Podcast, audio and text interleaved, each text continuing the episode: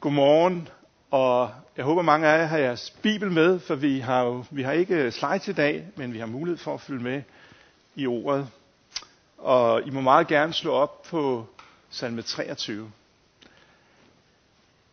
Og der står der nemlig, Herren, en salme af David, Herren er min hyrde, jeg lider ingen nød.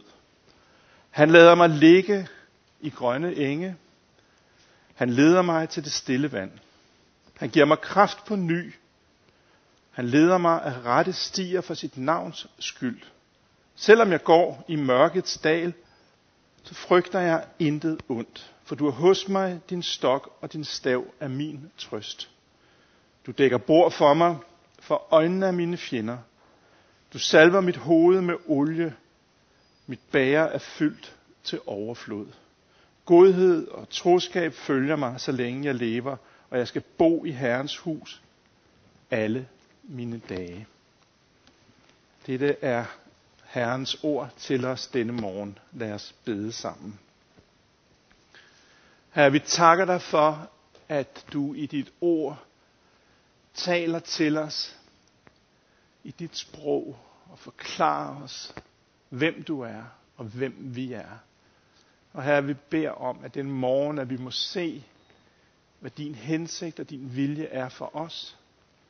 Her vi må se, at du er med os.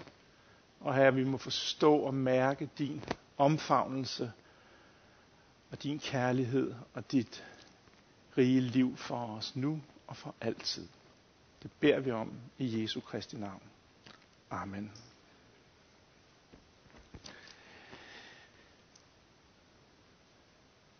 Hvad betyder det at forstå troen på Gud? Og hvordan, hvordan forstår vi Gud?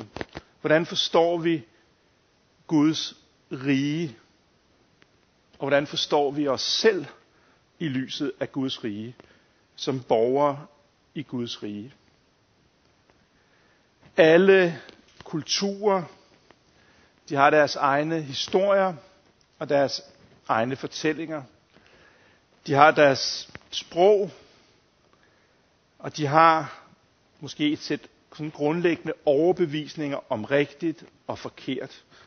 Og det man kan kalde en kultur, den har en ethos, hedder det på græsk, en, en, en grundlæggende fælles overbevisninger. Det er ikke kun passets farve, det er ikke kun et fælles sprog, det er også det, at man, man ser på tingene på samme måde og har en fælles historisk forståelse af, hvem man er. Det er det også, vi kalder etnicitet. Vi taler om at være etnisk dansker. Og det er meget dybere end, end hudfarve. Det er også den måde, vi er formet og dannet på ved at have boet her i århundreder. Men nu er vi så også borgere i Guds rige. Og hvad betyder det for vores? Hvad er det for en etnisk forståelse? Hvad er det for en etnicitet, vi møder der? Hvad er det for en kultur? Hvad er det for et nyt sprog? Hvad er det for en ny grundforståelse af, hvad det betyder at være borger i Guds rige? Vi er borgere på jorden, og for de fleste af os er vi borgere her i Danmark, men vi er også borgere i Guds rige. Og det lever vi i det her spændingsfelt mellem at være både her, men også at være i Guds rige. Og det fantastiske ved salmernes bog, det er, at det på mange måder er en bog, der udtrykker Guds riges sprog på mange forskellige måder.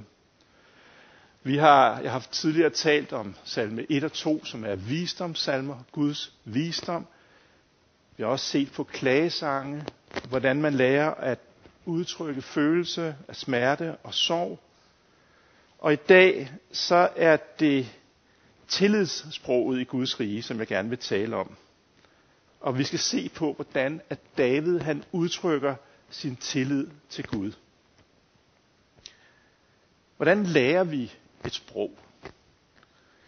Jamen det, vi har alle sammen lært sprog som helt små, og det har været gennem forældres eller andres omsorg, opmærksomhed og kærlighed. Og når en lille baby gør opmærksom på sine behov, så oplever den lille et gensvar af omsorg, mærker nærhed Og når den begynder, babyen begynder med sin første lyde, så får den opmærksomhed og om opmundring. Og vi ser det i øjeblikket derhjemme med vores bar, yngste barnebarn, Kana der, 15 måneder, pludselig begynder ordene at komme, og vi springer jo jublende op hver gang øh, over øh, hvert enkelt ord, der, der lige pludselig noteres ned, og nu sagde hun også det. Så, og det er vi meget stolte af fremdriften, vil jeg så også sige.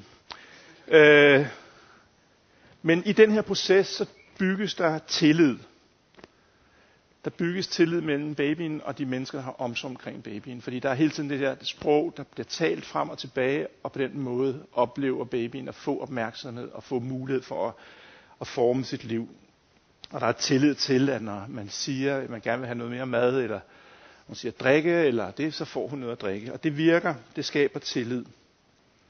Øhm, og det er på den samme måde med vores tillidssprog. Tillid til Gud, det er virkelig Guds riges sprog.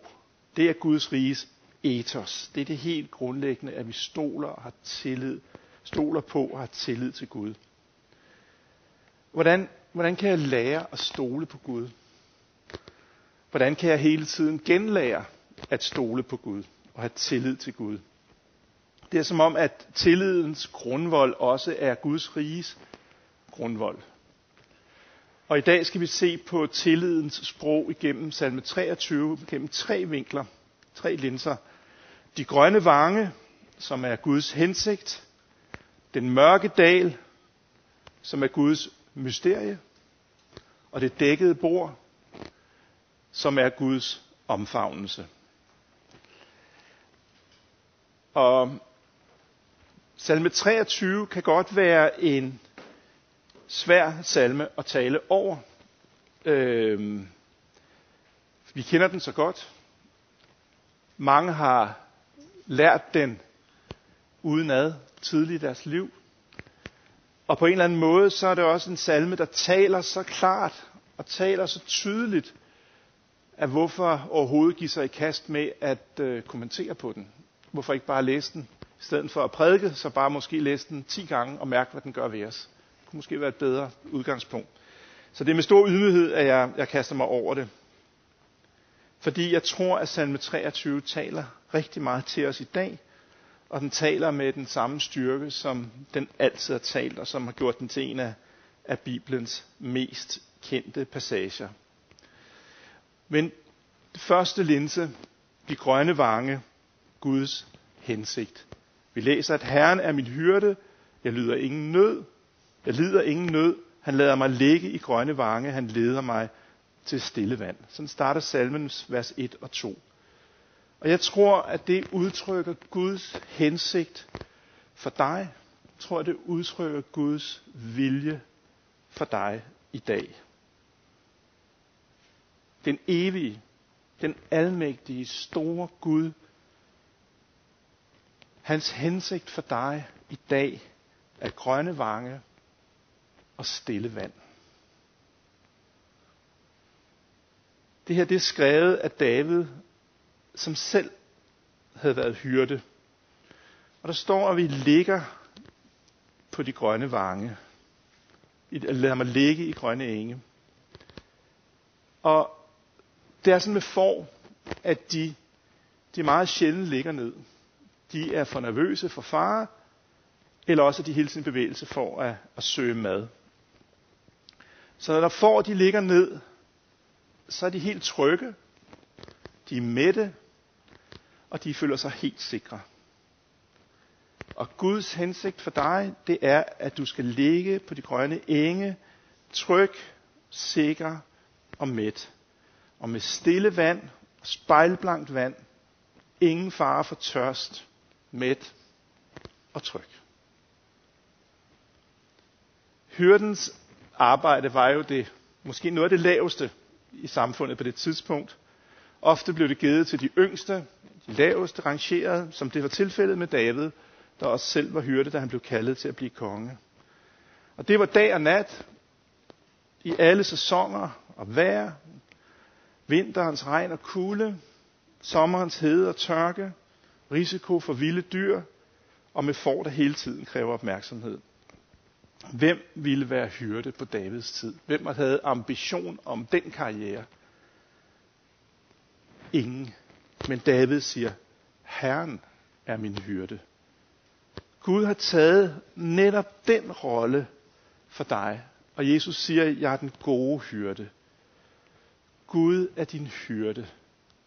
Han leder dig til grønne vange og stille vand. Tror du, at Gud er din hyrde? Tror du, at Guds hensigt for dig er grønne vange og stille vand? Det er Guds hensigt for dig, og det er så grundlæggende i vores tillidsforståelse. Det er grundlæggende i vores kristne forståelse. Vores ethos, at vi kan sige, Herren er min hyrde, og forbinde det med grønne enge og stille vand.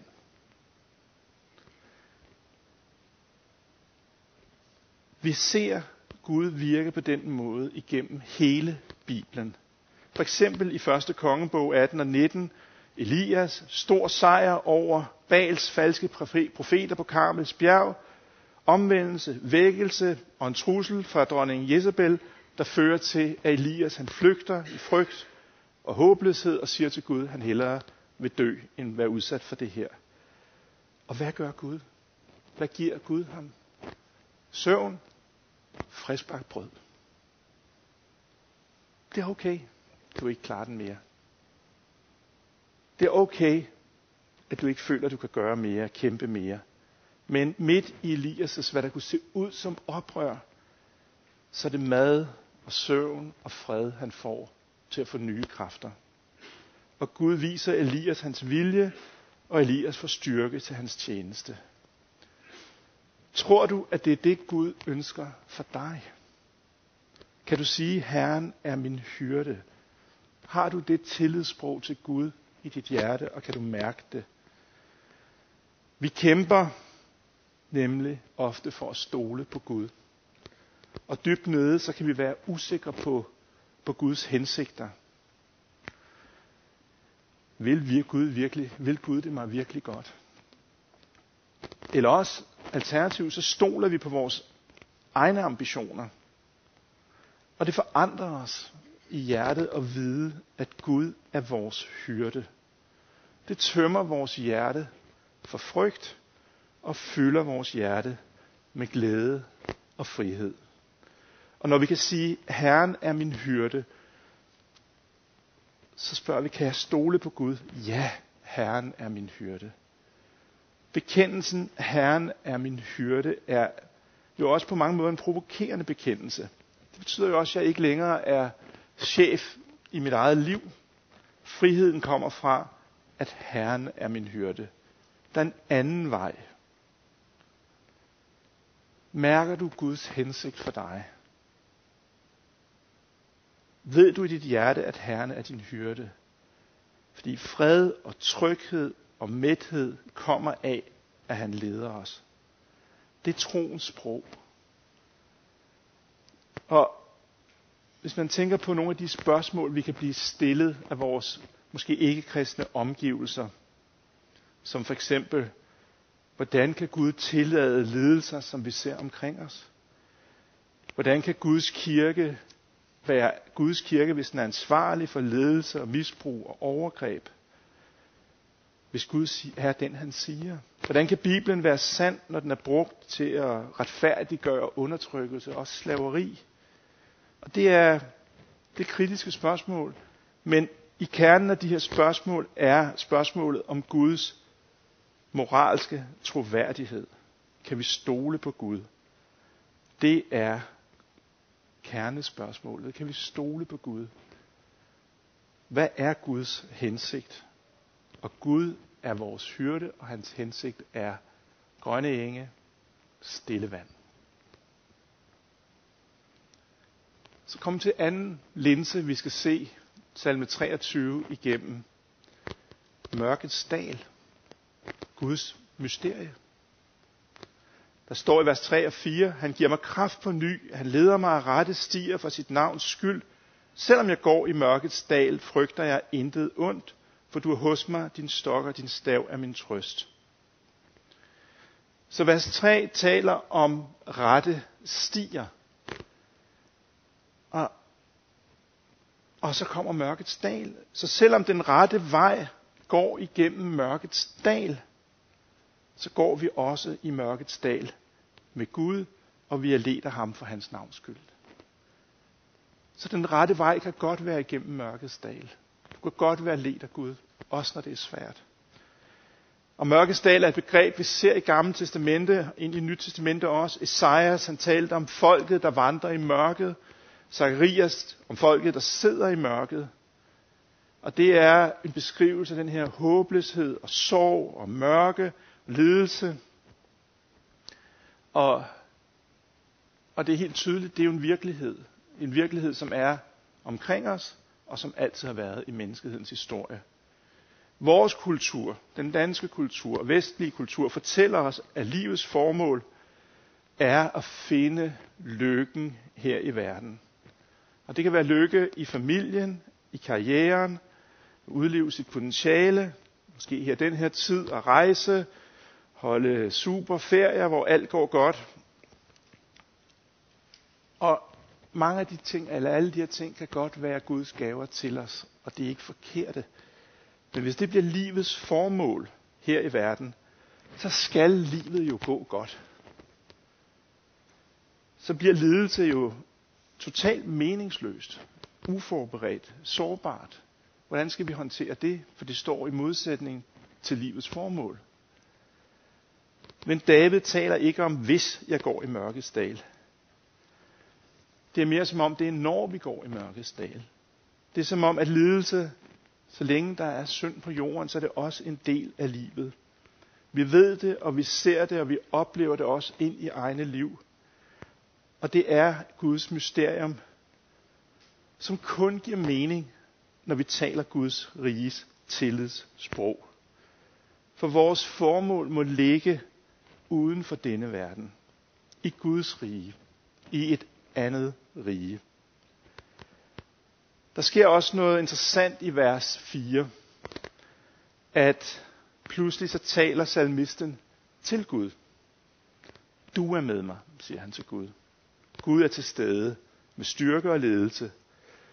Og det er i mørkets dal i den her salme, at Gud er til stede, ikke længere er en tredje person. Herren er min hyrde. En god, et fantastisk, sand idé og tanke og et billede og noget, vi opmuntres af. Herren er min hyrde. Det bliver til virkelig tilstedeværelse. Gud er med i mørkets dal. Gud gik foran i mørkets dal. Jesu liv og frelsesværk betyder, at Gud går foran os i mørket. Den almægtige, levende Gud møder dig i mørkets dal og leder dig, fordi Jesus gik der for dig. Fordi Jesus blev forladt af Gud på korset og råbte, min Gud, min Gud, hvorfor har du forladt mig? Så er det, du kan sige til Gud, jeg frygter intet ondt, for du, Gud, er med mig. Hvordan ved jeg, at jeg kan stole på Gud? Jeg taler om, at naturen viser Guds skaberværks værk. Men naturen viser ikke, om vi kan stole på Gud. Historien viser Guds virke, men samtidig ser vi også, at ondskaben er vokset med menneskets evner, og det er ikke der, vi ser, at vi kan stole på Gud. Moralsk undervisning og gode mennesker, Martin Luther King, Mandela, Gandhi, de kræver moralsk handling af os, og de viser sider af Guds vilje, men de viser ikke Guds troværdighed. Men Jesus blev menneske. Jesus er Gud, som blev menneske og levede og døde for dig. Og Gud gjorde det for dig. Og derfor, på grund af Jesus, kan vi stole på Gud. Og det er i mørkets dal, at vi møder Gud. Og vores sprog forandres, vores tillidssprog forandres til et direkte og tillidsfuld samtale med Gud, når vi taler med Gud, også når det er svært. Tillidens sprog. En tredje linse, bordet, det dækkede bord, Guds omfavnelse. Hvordan ender det hele? Efter de grønne enge og mørkets dal, så står der, at du dækker bord for mig for øjnene af mine fjender. Du salver mit hoved med olie.